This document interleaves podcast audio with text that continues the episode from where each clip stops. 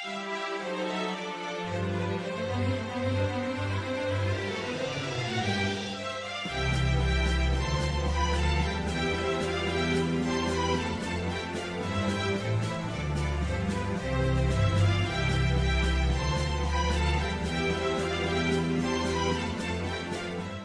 semuanya, selamat datang lagi di Rapid Radio PP UK The Spirit of Indonesia.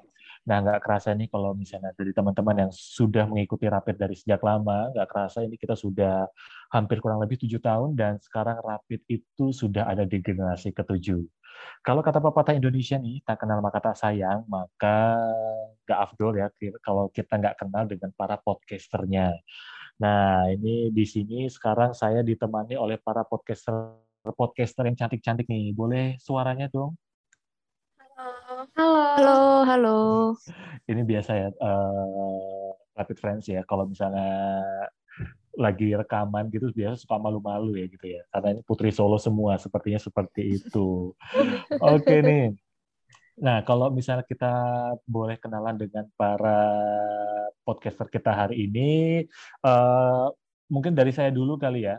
Uh, sebagai satu-satunya cowok nih di rapid generasi 7.0 ini ya 7.0 ini uh, perkenalkan dulu Rapid Friends. Nama saya Bowo panggil aja Bowo. Dan sekarang saya sedang studi di University of Leicester. Saya mengambil manajemen dan saya ada di dalam School of Business. Dan sekarang saya sedang mengerjakan PhD. Uh, interest saya, aduh kalau misalnya ngomong soal interest ya, saya sih sukanya kalau dari suara sih nggak bagus ya kalau nyanyi.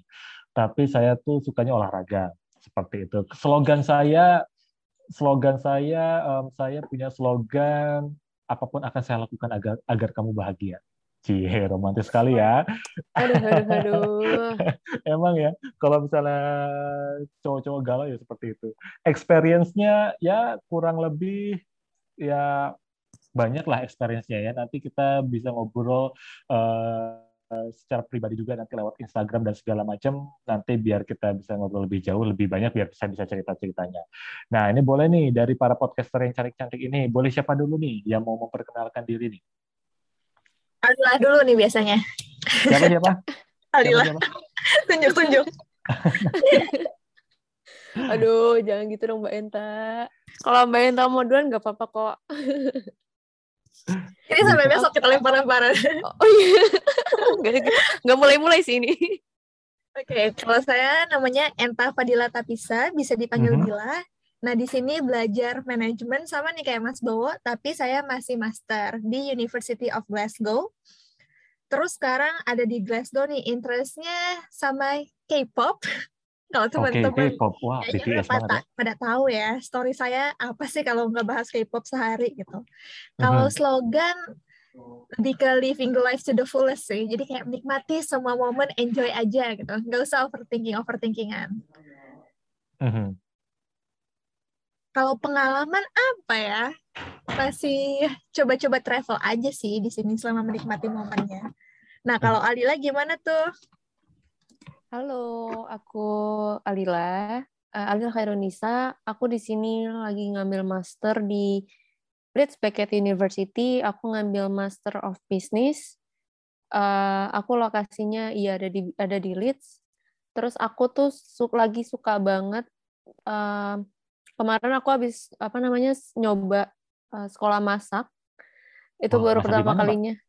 Aku di waktu itu nyoba sekali di Leeds Cookery School. Itu lumayan jauh sih dari tempat aku. Sekitar 30 menit itu naik bus. Oh, terus ya okay. dan itu pas ya lagi winter sih pas Desember kemarin akhir Desember kemarin kalau nggak salah. Itu lah lumayan challenging sih di perjalanannya karena aku gak pernah jalan sejauh itu sebelumnya dan ke daerah yang di mana ya ini kayak antah berantah aku nggak tahu ada di mana. Mm-hmm. Terus um, ya aku lagi nyoba-nyoba uh, sesuatu yang belum pernah aku coba salah satunya kayak podcast kayak gini. Terus aku juga lagi nyoba uh, belajar masak dan rencananya sih planningnya aku mau nyoba belajar masak lagi tapi di tempat yang berbeda gitu. Tapi masih kayak daerah Leeds juga. Terus aku mm-hmm. juga apa ya uh, kayak nyoba hal-hal baru lah gitu yang belum pernah aku coba. Terus aku juga punya slogan uh, cukup menginspirasi kayak visi apa visi foya visi foya kayak visi misi foya foya. Apa apa yang menginspirasi itu saya ingin ikutin tapi saya nggak bisa. Oh iya. Kan dia nggak mendukung. Itu kayak cuman ini aja sih have fun aja. Kayak waktu aku ngeliat uh, ada yang bilang kayak gitu kayak wow menarik juga lucu nih gitu kan. Terus uh, experienceku apa ya experienceku ya? Um, travel kali ya travel di sini ya cukup experience sih buat aku new experience. Um, terus interest aku iya tuh sih paling. Gimana nih ada Mbak Gladi? Halo, uh, uh, nama aku Gladi Asri Syafira. Sekarang aku ngambil jurusan Master of Marketing. Sama kayak Mas Bo, aku juga dari University of Leicester. Uh, aku interestnya apa ya kalau sekarang? Mungkin karena baru di UK juga kali ya, jadi sekarang lagi sering-seringnya masak. Karena dulu mm -hmm. jarang, jadi sekarang lagi sering banget eksplor resep baru dan masak banyak hal yang sebelumnya nggak pernah aku coba sama sekali. Terus paling yang dari dulu bikin aku interest tuh foto-foto kali ya. Uh, sekarang kayaknya aku ada planning buat bikin IG tentang hasil foto-foto aku juga. Cuma we'll see later. Terus kayak buat slogan ada satu kalimat yang selalu nempel di otak aku kayak dari SMA deh. Kalimatnya tuh cuma if you can dream it, you can do it. That's mm -hmm. it. That's a simple line. And mm-hmm. then experience apa ya kalau sekarang kayak nggak jauh-jauh dari traveling karena dari 2000 berapa ya? Dari dulu S, SMP juga sering traveling terus uh, karena di UK juga kayak nanti aku bakal ada planning buat solo traveling karena interest juga sekalian foto-foto. Itu hmm. aja sih kayaknya dari aku Wah, seru-seru ya. Ada yang satu hobi masak, yang satu hobi traveling ya, yang satu hobi foya-foya. Nah, jadi Rapid Friends memang kita ini para podcaster generasi 7.0 ini apa ya? Unik-unik ya. Apalagi saya cowok sendiri gitu kan. Aduh, memang benar-benar ya. Nah, uh, pastinya fakultas uh, lagi kan ya. Gimana gimana? Satu fakultas juga kan kita ujung-ujungnya nih. Nah iya, itu satu fakultas kan school, school of business kan, nah tuh gimana lagi tuh kan, aduh makanya kalau misalnya nanti Rapid Friends mau kenalan sama kami kami ini boleh langsung nanti ke IG-nya kami, di mana itu ya IG-nya ya? Rapid underscore PPI underscore UK. Nanti di situ bisa ada informasi seputar siapa sih yang nanti akan siaran di hari apa dan lebih mengenal kita lah secara uh, profil. Dan kita nih masing-masing punya YouTube-nya masing-masing loh. Jadi uh, kita nih keren banget lah. Udah podcaster, YouTuber lagi kan. Jadi memang kita ingin mencoba segala hal. Dan nanti bisa kita bahas lebih lanjut lagi di uh, lewat Instagram ya biar kita bisa kenal lebih jauh. Nah, by the way nih, kalau misalnya boleh tahu nih dari mbak-mbak ini yang bertiga ini nih, kenapa sih pilih UK? Kenapa sih ke Inggris bukan ke Aussie, bukan ke Amerika, bukan ke misalnya New Zealand? Kenapa pilih UK, Mbak? Kalau aku awalnya sih karena uh, waktu itu karena waktu kira-kira masih zaman sekolah itu kan dulu ada boy band aku tuh lagi kayak nonton TV gitu terus aku lihat satu boy band namanya One Direction. Itu uh, dia tuh dari UK ternyata. Terus pas dari situ aku dalam hati tuh kayak suatu saat nanti uh, gue pengen ketemu mereka kalau misalkan mereka nggak konser di Indo. Atau pernah pokoknya pernah kayak ngomong kayak gitu pokoknya suatu saat nanti gue pengen ke UK gitu. Karena waktu itu ngeliat uh, bandnya mereka gitu kan Terus sampai akhirnya uh, mereka buka konser gitu di Indo, cuman waktu itu nggak nggak full team gitu kan. Cuman satu sisi keinginan untuk ke UK tuh kayak terbesitnya dari situ gitu. Terus sama juga aku kan suka uh, film Harry Potter. Kalau ada yang tahu Harry Potter itu kayak kalau apa sekolah sihir gitu.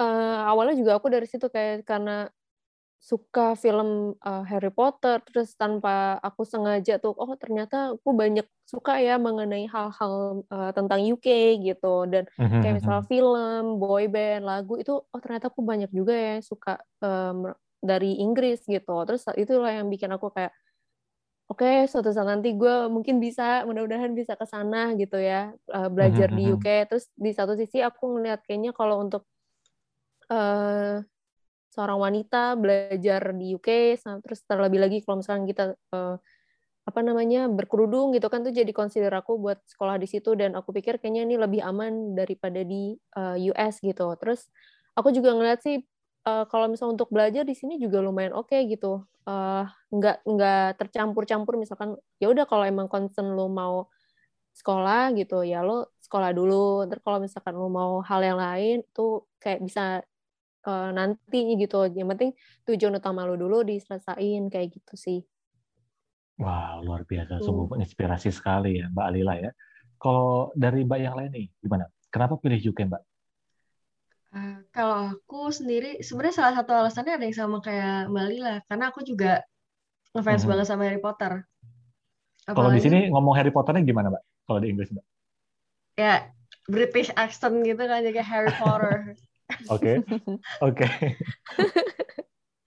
Jadi apalagi ngikutin Harry Potter dari kecil banget kan terus pas hmm. sampai part Deathly Hallows akhir-akhir itu kan benar-benar ditunjukin alamnya UK kayak gimana hmm. itu dari situ aku apa ya mind blown juga karena kok kayak wah gila keren banget sih udah gitu aku juga sempat holiday ke UK 2019 jadinya kan semakin hmm. familiar sama orangnya sama negaranya juga kayak gimana Mm-hmm. Jadi dari situ udah bener-bener netepin kalau misalkan, oh ya udah nanti S2 harus ke UK gimana pun caranya.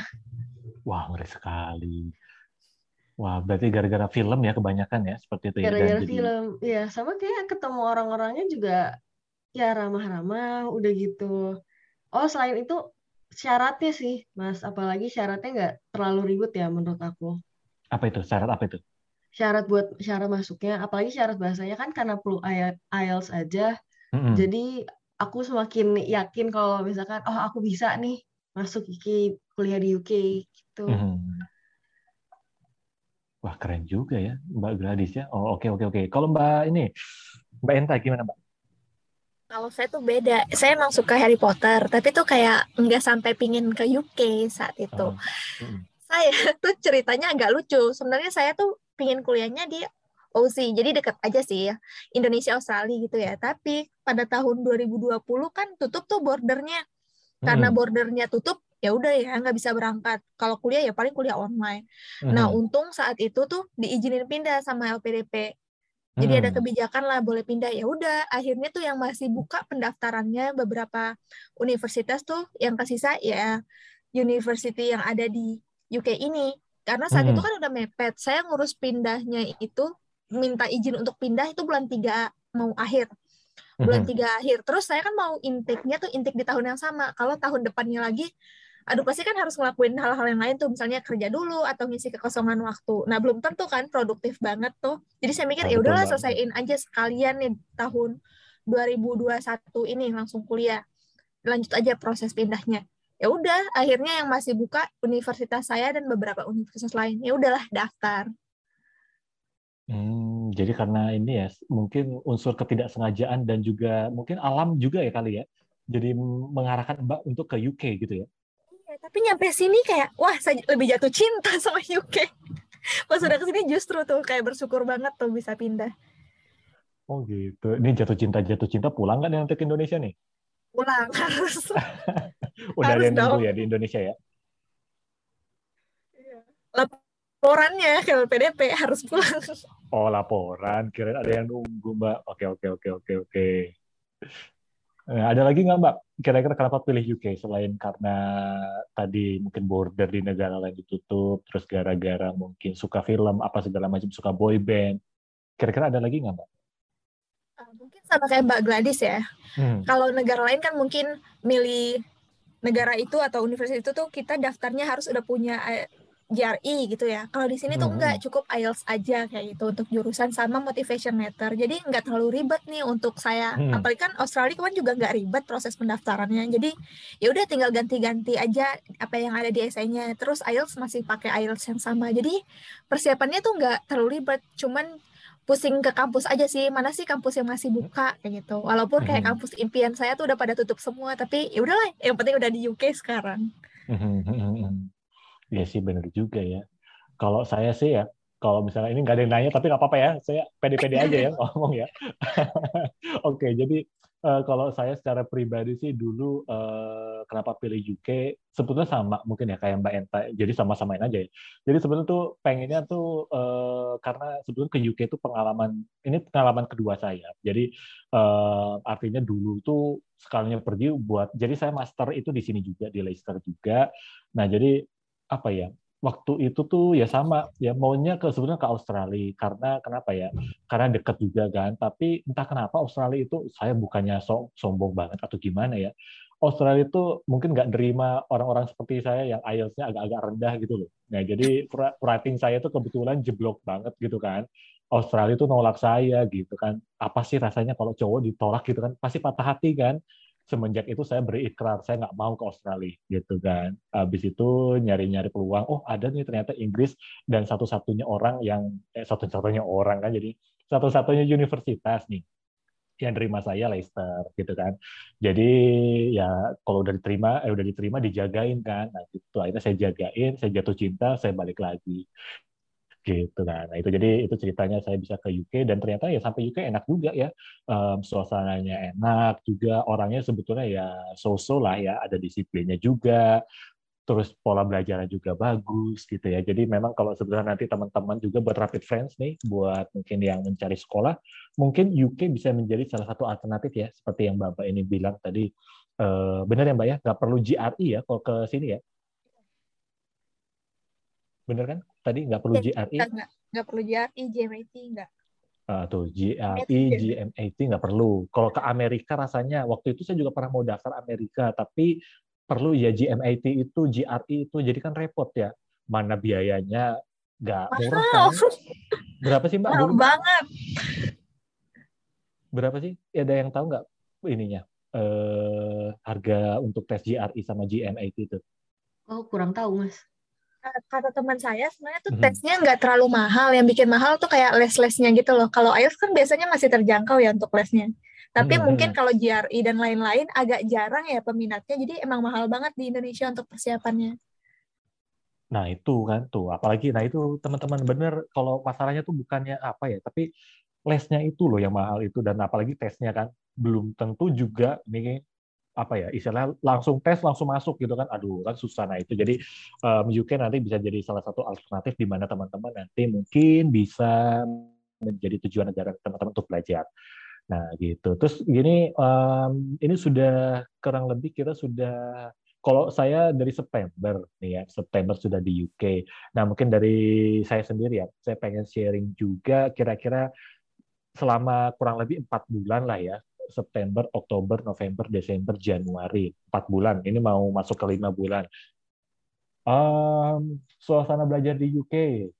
Um, karena sebetulnya sekarang kan lagi masa-masa pandemi ya. Mungkin sama juga dengan uh, podcaster, podcaster podcaster yang mbak-mbak ini nih, yang ada di luar kota. Wih, di, kayak di Indonesia di luar kota ya. Deket banget kayaknya. Oke, okay, ya, kayak di luar kota nih. Jadi uh, kalau kita sih di sini di Leicester sistem pembelajarannya kita masih mix ya antara online dan offline. Cuma karena saya PhD, PhD itu jarang ada kelas offline-nya. Kebetulan semester satu kemarin ada offline-nya, cuma sekarang lebih banyak online-nya. Jadi campur antara offline dan online seperti itu. Dan juga memang lagi strict juga dari masalah COVID karena uh, kasus Omikronnya juga tinggi, terus juga tapi ya di sini bandelnya gitu mau kasus tinggi ya tetap aja tadi saya lewat sini masih ada aja yang nonton rugby gitu kan. Nah itu jadi uh, mungkin mereka pede dengan vaksin apa segala macam kan. Nah itu jadi uh, masih fix uh, antara offline dan online. Cuma kayaknya master itu lebih banyak offline-nya deh. Kalau saya lebih banyak online-nya seperti itu. Kalau misalnya mbak mbak ini gimana nih? Kalau uh, pembelajarannya kelasnya offline online kah atau gimana kalau saya di sini sama sih masih dicampur ya, masih blended antara online dan offline. Jadi misalnya lecture-nya itu tuh online atau enggak dia udah disediain di website jadi tinggal ditonton aja. Paling nanti ada sesi seminarnya yang online, ada juga yang hmm. sesinya langsung seperti itu. Nah, tapi rata-rata kalau tutorial, tutorial itu offline sih sejauh ini. Hmm. Oh, jadi gitu. benar harus menyesuaikan gara-gara COVID ini sih. Hmm, I see, I see. Kalau ini Mbak yang lain, Mbak Alila, zaman Mbak Gladi gimana? Kalau sistem belajar di sini gimana? Kalau aku Yes, jodoh ya. Mbak dulu aja. Eh, kalau aku eh, waktu di tahun pertama kan aku mulai itu tahun 2021 aku tahun tujuh bulan pertama itu karena lockdown jadi aku mostly online.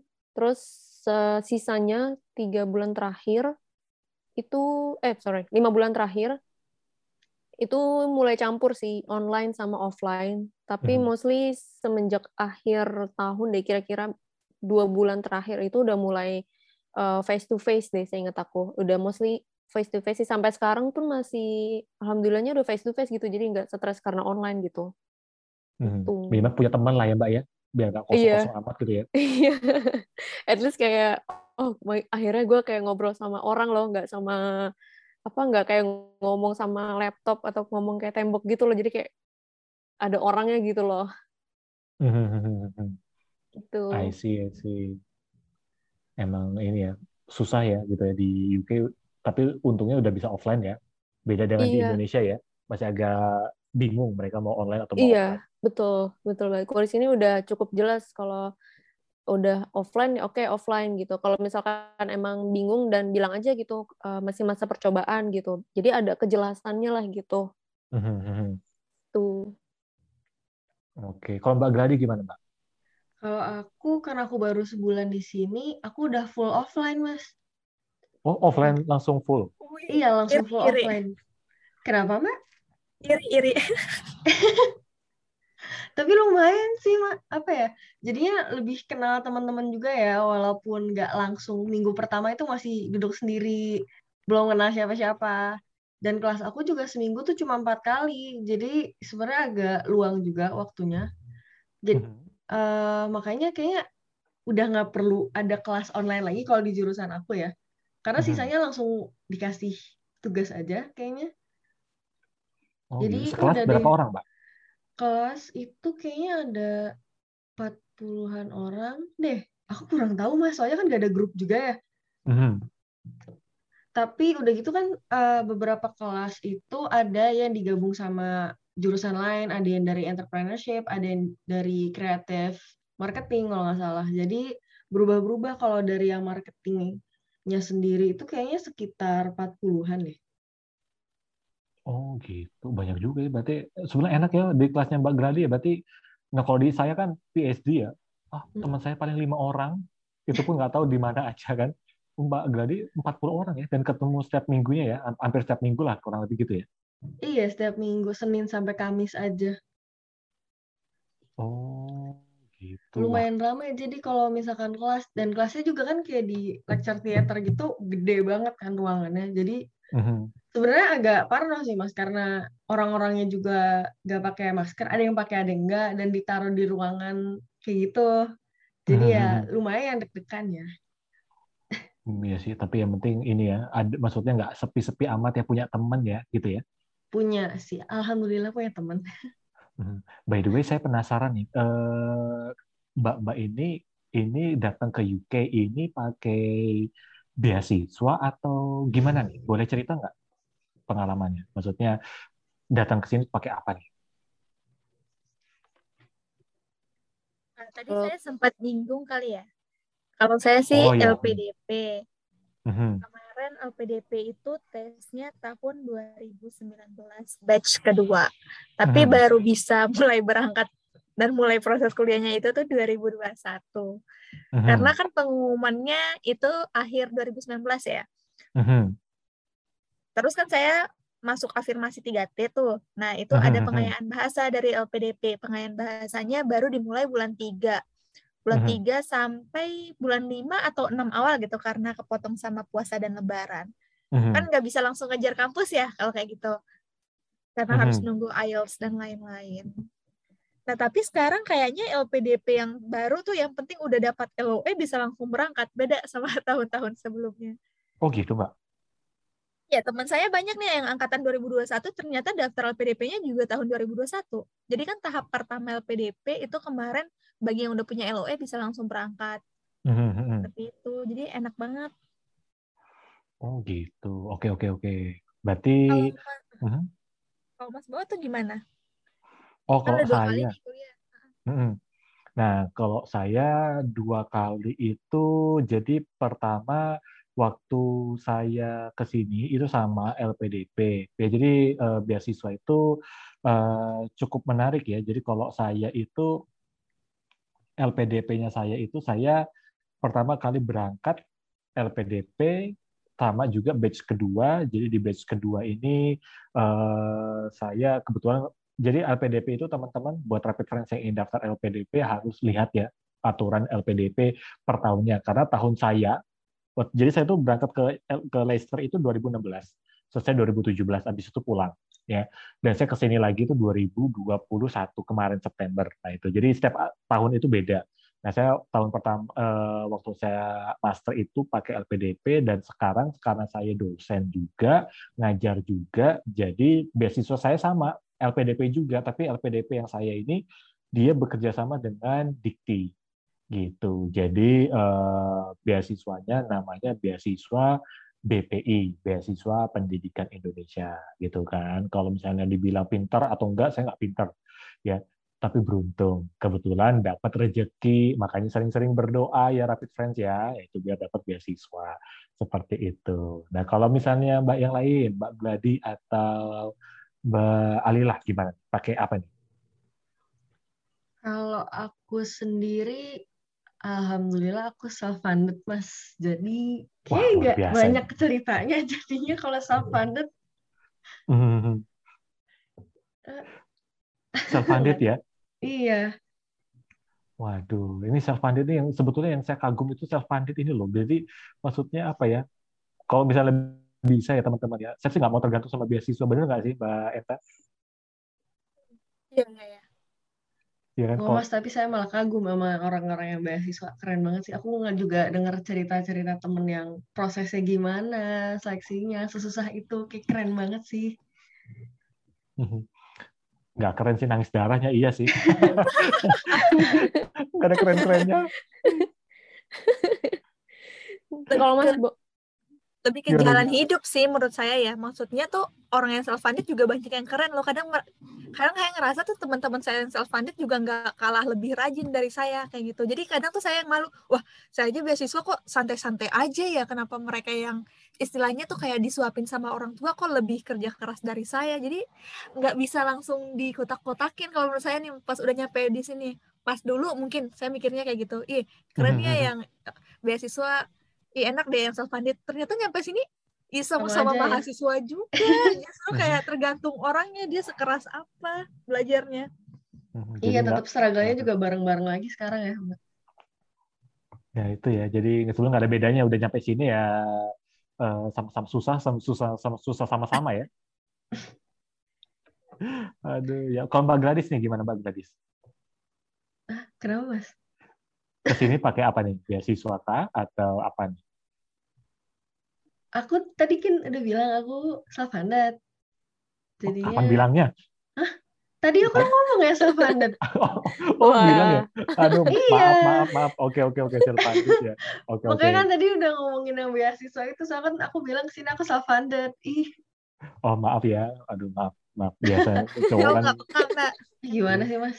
Maafin aku gak ya. peka nih, Ah, gimana cowok sih? nggak dengerin ya? Enggak. Wah, Iya. ini langsung ini keributan rumah tangga nih sudah nih. Baru dimulai udah ribut nih. Tiga banding satu. Iya tiga banding satu lagi iya ya nih saya sering sini mendengarkan J J oke oke Iya. oke aduh berarti berarti sebetulnya kalau nyampe sini self funded ataupun beasiswa intinya sudah sampai sini sama-sama berjuang sama-sama ya gitu ya gak ada bedanya ya antara kita yang beasiswa maupun self funded kalau misalnya teman-teman rapid friends bisa self funded ya alhamdulillah ya berarti ada rezekinya juga kalau misalnya keterima beasiswa ya juga alhamdulillah juga ya dikasih kesempatan dipercaya juga ya dana negara seperti itu. Tapi kalau misalnya nih ngelihat dari situasi dulu ya waktu mungkin eh, mbak-mbak ini berangkat ke UK nih. Dulu kalau saya kan masih waktu itu peralihan ya dari misalnya eh, Indonesia mau ke UK apalagi dengan harus karantina. Dulu mbak-mbak ini persiapannya apa nih? Mungkin juga bisa jadi sebagai tips buat Rapid Friends nih buat yang mereka mau persiapan mau berangkat karena sebetulnya intake Februari kayaknya sudah nggak bisa ya, nggak mungkin ya. Mungkin nanti September nih, mungkin bisa dikasih tips-tips apa nggak yang harus kira-kira disiapin buat Rapid Friends, buat teman-teman yang ingin berangkat ke UK. Seperti apa nih? Dari mungkin obat-obat. Tadi ya, hmm. yang ini yang terakhir datang, ya nggak? Kan baru sebulan uh, nih. Iya sih. Oh, gimana gimana? Mungkin masih fresh ya. Kalau kita tuh kayak, aduh, udah kapan kita datang ya tahun lalu? Kalau aku ini dari yang uh, mas COVID aja ya, masa yang COVID aja dulu ya. Boleh boleh. Kalau persyaratan COVID-nya sih kemarin sebenarnya agak simpel ya. Jadi pas boarding itu cuma nunjukin bukti vaksin aja, uh, sertif vaksin. Udah gitu kan disuruh ngisi, aduh apa ya namanya form yang buat masuk ke UK-nya itu. Jadi PLF di form... ya? Kenapa, Mas? PLF itu ya? PLV? Itu. Aku ya? lupa banget, Mas. Namanya apa? Mm-hmm.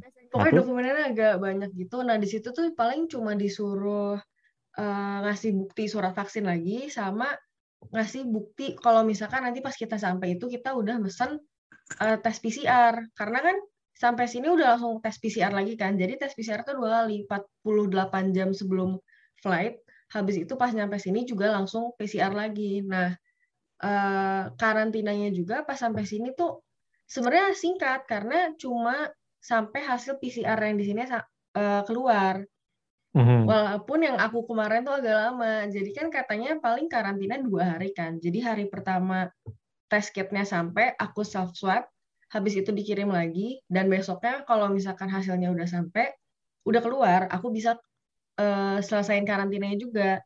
Tapi ternyata tes kit aku itu kemarin baru sampai di hari kedua. Mm-hmm. Sore juga atau hari ketiga gitu. Dan udah gitu kan langsung aku balikin ya. Aku kirim ulang ke labnya. Mm-hmm. Hasilnya itu baru keluar tiga hari setelahnya kalau nggak salah. Jadi aku total karantina tuh lima hari. Harusnya cuma dua hari doang.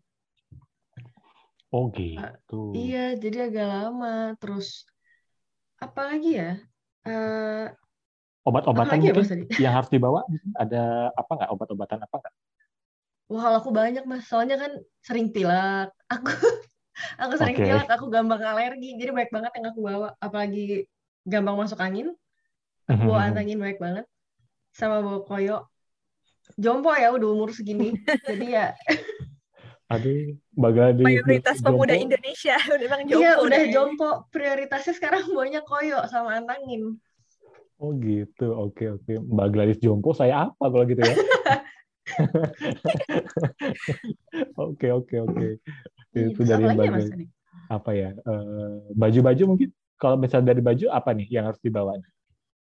Wah, aku baju prioritasnya benar-benar jaket sama baju-baju tebal buat winter aja mas malah sampai lupa buat bawa kaos-kaos buat sehari-hari karena kan kopernya ada maksimal uh, ada limitnya jadi maksimal hmm. tuh kalau nggak salah aku kemarin 30 kilo jadi aku cuma bawa dua koper dan itu juga kan aku prioritasin kayak alat-alat elektronik. Jadi uh, jadi baju itu benar-benar dikit bawa sepatu apalagi bawa masker kan. Bawa masker bawa sanitizer dan segala macam. Jadinya uh, malah yang buat sehari-hari kayak gitu kurang aku uh, pikirin paling di prioritasin itu sih balik lagi ke alat kesehatannya ya. Sama apa lagi ya aku tuh bawanya itu aja sih mas? Iya lupa. Itu aja ya paling ya. Ah, iya. Nah, kalau Mbak Enta sama Mbak Alila, kira-kira Mbak Enta dulu deh, kira-kira apa nih yang dari Mbak Gladys yang bisa ditambahin? Kira-kira apa sih yang Rapid Friends harus bawa kalau misalnya mereka pengen ke UK? Aku mau nambahin Mas, lupa. Apa itu? Apa itu? Berkas-berkasnya malah aku lupa bilangin berkas-berkas. Berkas Jadi, apa aja tuh? uh, yang aku bawa ke sini tuh berkas asli ijazah, berkas asli. Kemarin tuh kan syaratnya lumayan banyak ya. Mm. Jadi yang aku bawa itu kan paspor, udah gitu ada bukti visa yang pasti visa, terus udah gitu ada confirmation of confirmation of acceptance-nya, jadi surat uh, LOA-nya berarti ya. Udah gitu aku bawa oh jadi sebelum ke sini tuh ada tes kesehatan dulu kan ya. Tes kesehatan hmm. buat TBC itu juga bukti aslinya dibawa. Ijazah yang translated juga. Selain itu aku bawa transkrip yang asli. Terus hmm. aku bawa surat IELTS, aku juga bawa oh akte kelahiran, akte kelahiran yang udah ditranslate dan hmm. juga kartu keluarga yang udah ditranslate. Banyak banget sih sebenarnya berkasnya. Hmm. hmm Oh sama, jadi form yang sebelumnya aku omongin itu tuh namanya passenger locator form. Mm-hmm. Jadi di situ ngejelasin kita naik pesawat apa, uh, tes apa ya, uh, tes COVID yang udah kita booking juga, booking numbernya berapa gitu, gitu sih mas. Mm-hmm. Ini kayak sambil buka dokumen-dokumennya ya sambil Iya makanya. Biar detail juga aku ingetnya takut kelewatan karena lumayan banyak. Mm-hmm. Oke oke luar biasa sekali Mbak Gladys. Kalau Mbak Enta nih gimana nih? Kira-kira ada yang bisa ditambahin nggak? Kalau misalnya teman-teman Rapid Friends ini pengen bawa sesuatu, kalau misalnya mau ke UK, apalagi di tengah COVID gini, kira-kira um, apa lagi yang perlu dibawa?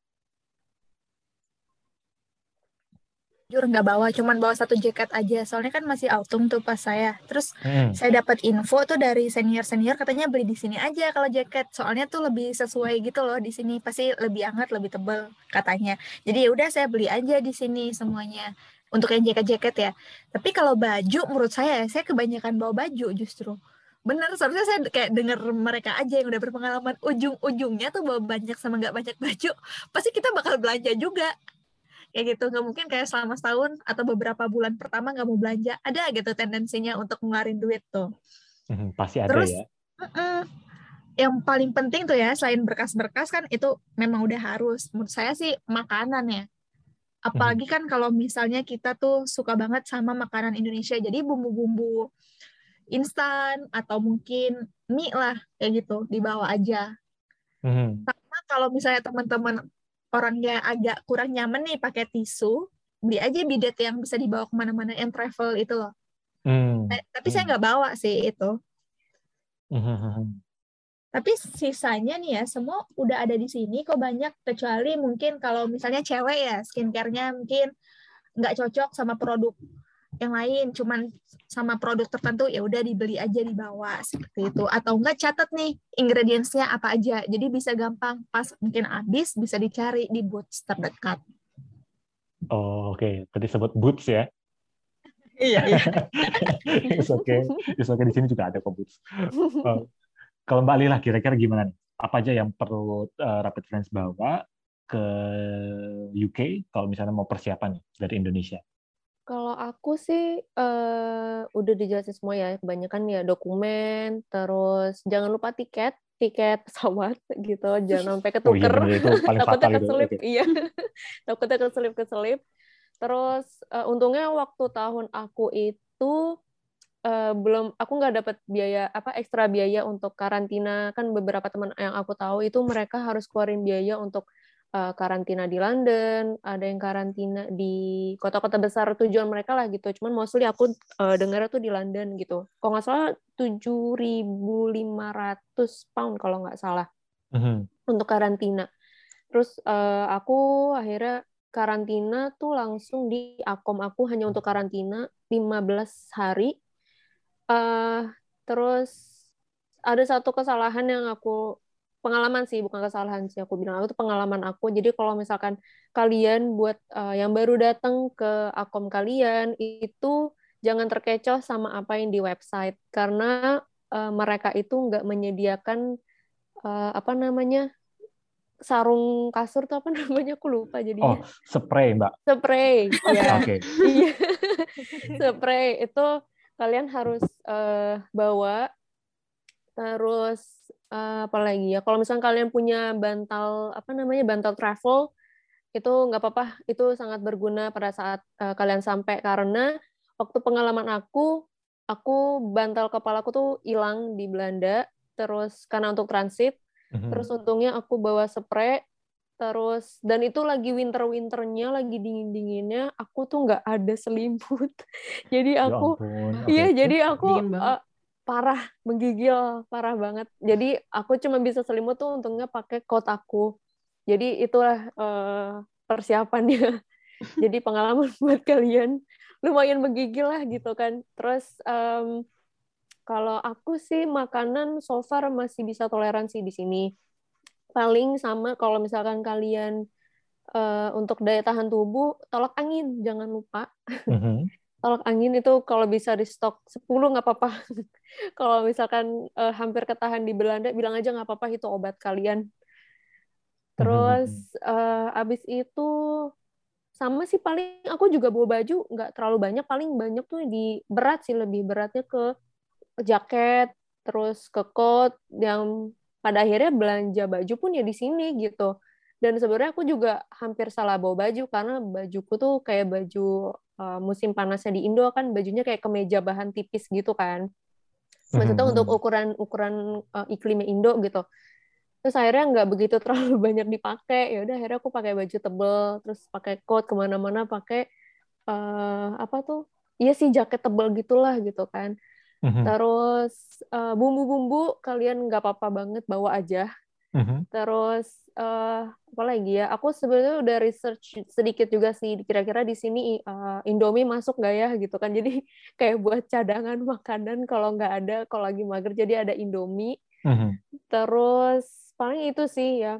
Paling sepatu, sepatu kalau bisa dari awal eh, pakai sepatu boots atau sepatu yang bener-bener sepatu lah kayak misalnya sepatu sneakers juga nggak apa-apa gitu kayak lebih memudahkan aja sih. Gitu. Mhm. Paling Wah, gitu sih. kalau cewek ya disuruh ngomong kayak gini detail banget ya. Kalau cowok mah kasih aja satu koper kayaknya cukup deh. Ya kurang lebih kalau saya bisa menyimpulkan ya eh, Rapid Friends ya. Jadi itu tadi yang harus eh, Rapid Friends eh, catat ya. Nanti kalau misalnya Rapid Friends mau nanya-nanya boleh ke Instagram kami datang aja gitu kan. Bisa langsung tanya aja nanti antara kami berempat yang nanti akan balas. Nah, jadi intinya eh, baju ya pasti jangan lupa, dokumen jangan sampai ketinggalan, tiket pesawat, terus tadi obat juga ya, terus juga bumbu-bumbu masakan kalau misalnya eh, ini apa ya teman-teman suka masak ya. Kalau nggak salah boleh bawa daging nggak sih atau misalnya apa? Kalau nggak salah boleh tapi limited gitu ya, nggak boleh terlalu banyak gitu. Jadi kalau misalnya mungkin teman-teman mau bawa rendang, jangan satu koper isinya rendang gitu ya, pasti disita itu. Waduh. Kalau nggak salah frozen food tuh nggak boleh sih, Mas. Nggak boleh ya, waktu malah Iya. nggak boleh tuh. Tapi, teman kalau aku kering pernah, tempe boleh nggak sih? kayaknya masih boleh deh. Eh, Tapi tapi teman frozen aku- nggak boleh ya? Tapi teman aku pernah ada yang nitip deh, eh, kayak satu satu apa dua kotak makan gitu, isinya tuh rendang semua. Nitip dari Oh. anak Indo, Mhm. eh, tapi emang dijemputnya sih harus ngambil ke Manchester gitu kan. Iya. Jadi pas aku tahu, oh ternyata boleh ya gitu. Cuman emang nggak banyak gitu. Dan itu udah udah jadi deh malah, bukan yang frozen setahu aku. Oh, Nah, kayaknya itu. udah jadi malah lebih boleh deh daripada yang frozen. Frozen ya, itu Iya. oke. Berarti nanti teman-teman harus ini juga dikuat-kuatin gitu ya. Kalau misalnya cuma satu tahun nggak makan rendang, ya nggak apa-apa lah ya, bawa secukupnya gitu ya. Nah, kalau misalnya sudah datang ke sini, jangan lupa kami juga dibagi gitu ya. Kami juga pengen itu intinya. Iya. Oh intinya begitu ya Mas Bowo ya? Nah itu maksudnya pesan tersembunyi. Kami juga pengen makan gitu ya. Rendang itu rasanya kami udah lupa gitu. Nah itu. Jadi eh, itu teman-teman yang perlu diingat. Jadi jangan bawa yang berlebihan aja, secukupnya juga karena sebenarnya bisa sih semua diakomodasi dipenuhi di sini. Karena kan jujurnya ya teman-teman ya, eh, saya ke sini tuh malah bawa magic jar yang kecil, bukan yang, yang besar. Wow. Karena mama saya takut saya nggak bisa makan. Itu kan aneh kan. Lucu banget. Wow. Usia udah sebesar gini suruh bawa magic jar ya ampun. Jadi Gimana kayak nggak mau mau? piknik ya, Mas? Nah iya itu mau piknik, kayak nggak mau pulang gitu kan. Nah itu. Nah itulah teman-teman ya. Jadi cerita-cerita unik. Jadi eh, itu tadi beberapa hal yang harus kita bawa, yang harus Rapid Friends bawa kalau misalnya Oh. pengen ke UK. Aku ada satu Apa ini? lagi, Mas, yang di sini nggak Apa tuh? ada. Apa tuh? Guling. Hah, guling? Aku bawa Iya, guling nggak dari Indo. ada di sini. Iya, Oh iya ya mereka nggak punya guling ya di sini ya. mereka nggak punya guling di sini dan di sini juga nggak ada sarungnya kan. Jadi sampai Heeh. sekarang guling aku pakai nggak pakai apa-apa. Jadi aku lupa, tapi aku bawa guling ke sini.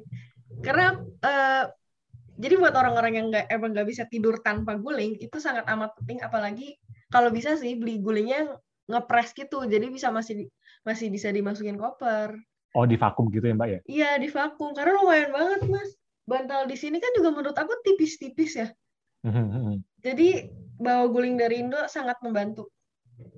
Oh itu. Pesan sponsor tuh. Jadi jadi di di UK itu teman-teman kita tuh nggak pernah ngeliat guling ya uh, apalagi buat yang jomblo-jomblo tuh ya. Udahlah beli bawa guling dari Indonesia biar ada yang dipeluk di sini gitu ya. Dan nanti dibawanya di vakum biar nggak berat. Seperti karena ya sih bener ya cuma ada bantal gitu ya bantal sama di sini istilahnya duvet ya selimut dan juga selimut juga kadang-kadang ada yang dikasih ada yang enggak gitu kan. Nah guling itu boleh tuh tadi guling juga boleh dibawa.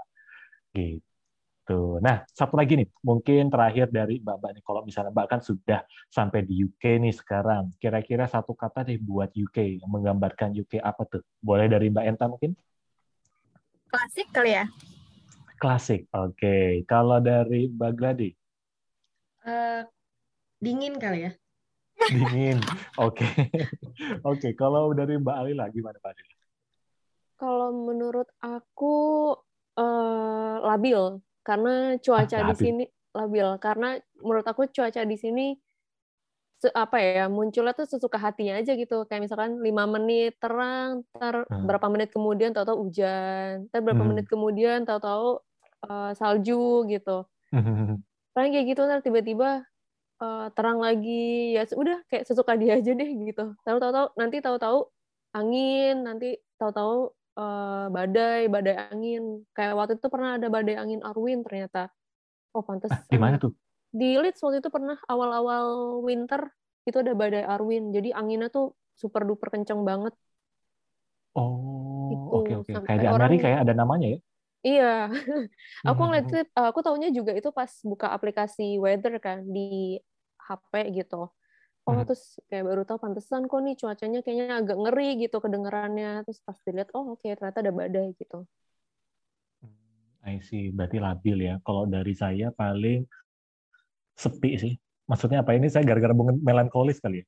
Sepinya tuh di sini biasanya ya teman-teman. Kalau di Indonesia ya ya memang saya bukan anak-anak gaul banget gitu lah. Tapi istilahnya kalau di Indonesia itu kan kalau misalnya mall ya tutup jam 10 gitu ya jam 11, jam 12 baru tutup. Di sini mau tutup jam berapa loh teman-teman? Jam 6 sore, gitu. Jam 5 sore itu udah pada pada mau tutup. Nah itu jadi saya merasa kayak sepi sih di sebelumnya di sini. Tapi ya nggak masalah ya, karena kan kita punya teman-teman di Indonesia juga. Terus Rapid Friends juga nggak akan kesepian di sini karena ada kami juga di sini yang selalu setia menemani teman-teman nanti menemani belajarnya teman-teman untuk ya istilahnya buat bercanda-bercanda lah seperti itu buat ngobrol-ngobrol seperti itu. Jadi mungkin itu aja kali ya perkenalan kita hari ini Mbak-mbak dan juga antara Mbak-mbak ini saya juga dengan Rapid Friends. Jadi uh, Rapid Friends kalau nanti misalnya Rapid Friends ini mau dengar kami ya entah Mbak yang misalnya nih Rapid Friends aduh ya naksir banget nih sama Mbak Gladi nih hati-hati ya naksir-naksir ya. Nah, misalnya nih mau naksir sama siapa nih, nanti Rapid Friends bisa follow Instagram kami di rapid underscore ppi underscore UK. Di situ nanti ada profil kami secara mungkin secara singkat dan juga nanti juga ada tema-tema apa sih yang akan kami bawakan di setiap harinya. Dan nanti juga Rapid Friends juga bisa download juga nanti ada aplikasi yang kekinian ya. Rapid Friends bisa cek coba nanti di Spotify, Anchor atau Podbean di situ kami akan memposting podcast kami untuk bisa menemani hari-harinya Rapid Friends. Dan tentunya um, bakal ada ya topik-topik yang menarik yang akan kami buat supaya Rapid Friends di sini tidak sendirian. Karena Rapid Friends punya teman-teman dan Rapid Friends juga punya kami. Ya, Rapid PPI UK. Seperti itu. Paling itu aja ya buat hari ini. Sampai ketemu lagi di podcast berikutnya. Sampai ketemu semua Rapid Friends. Bye-bye. Bye. Dadah semuanya. Bye. Bye.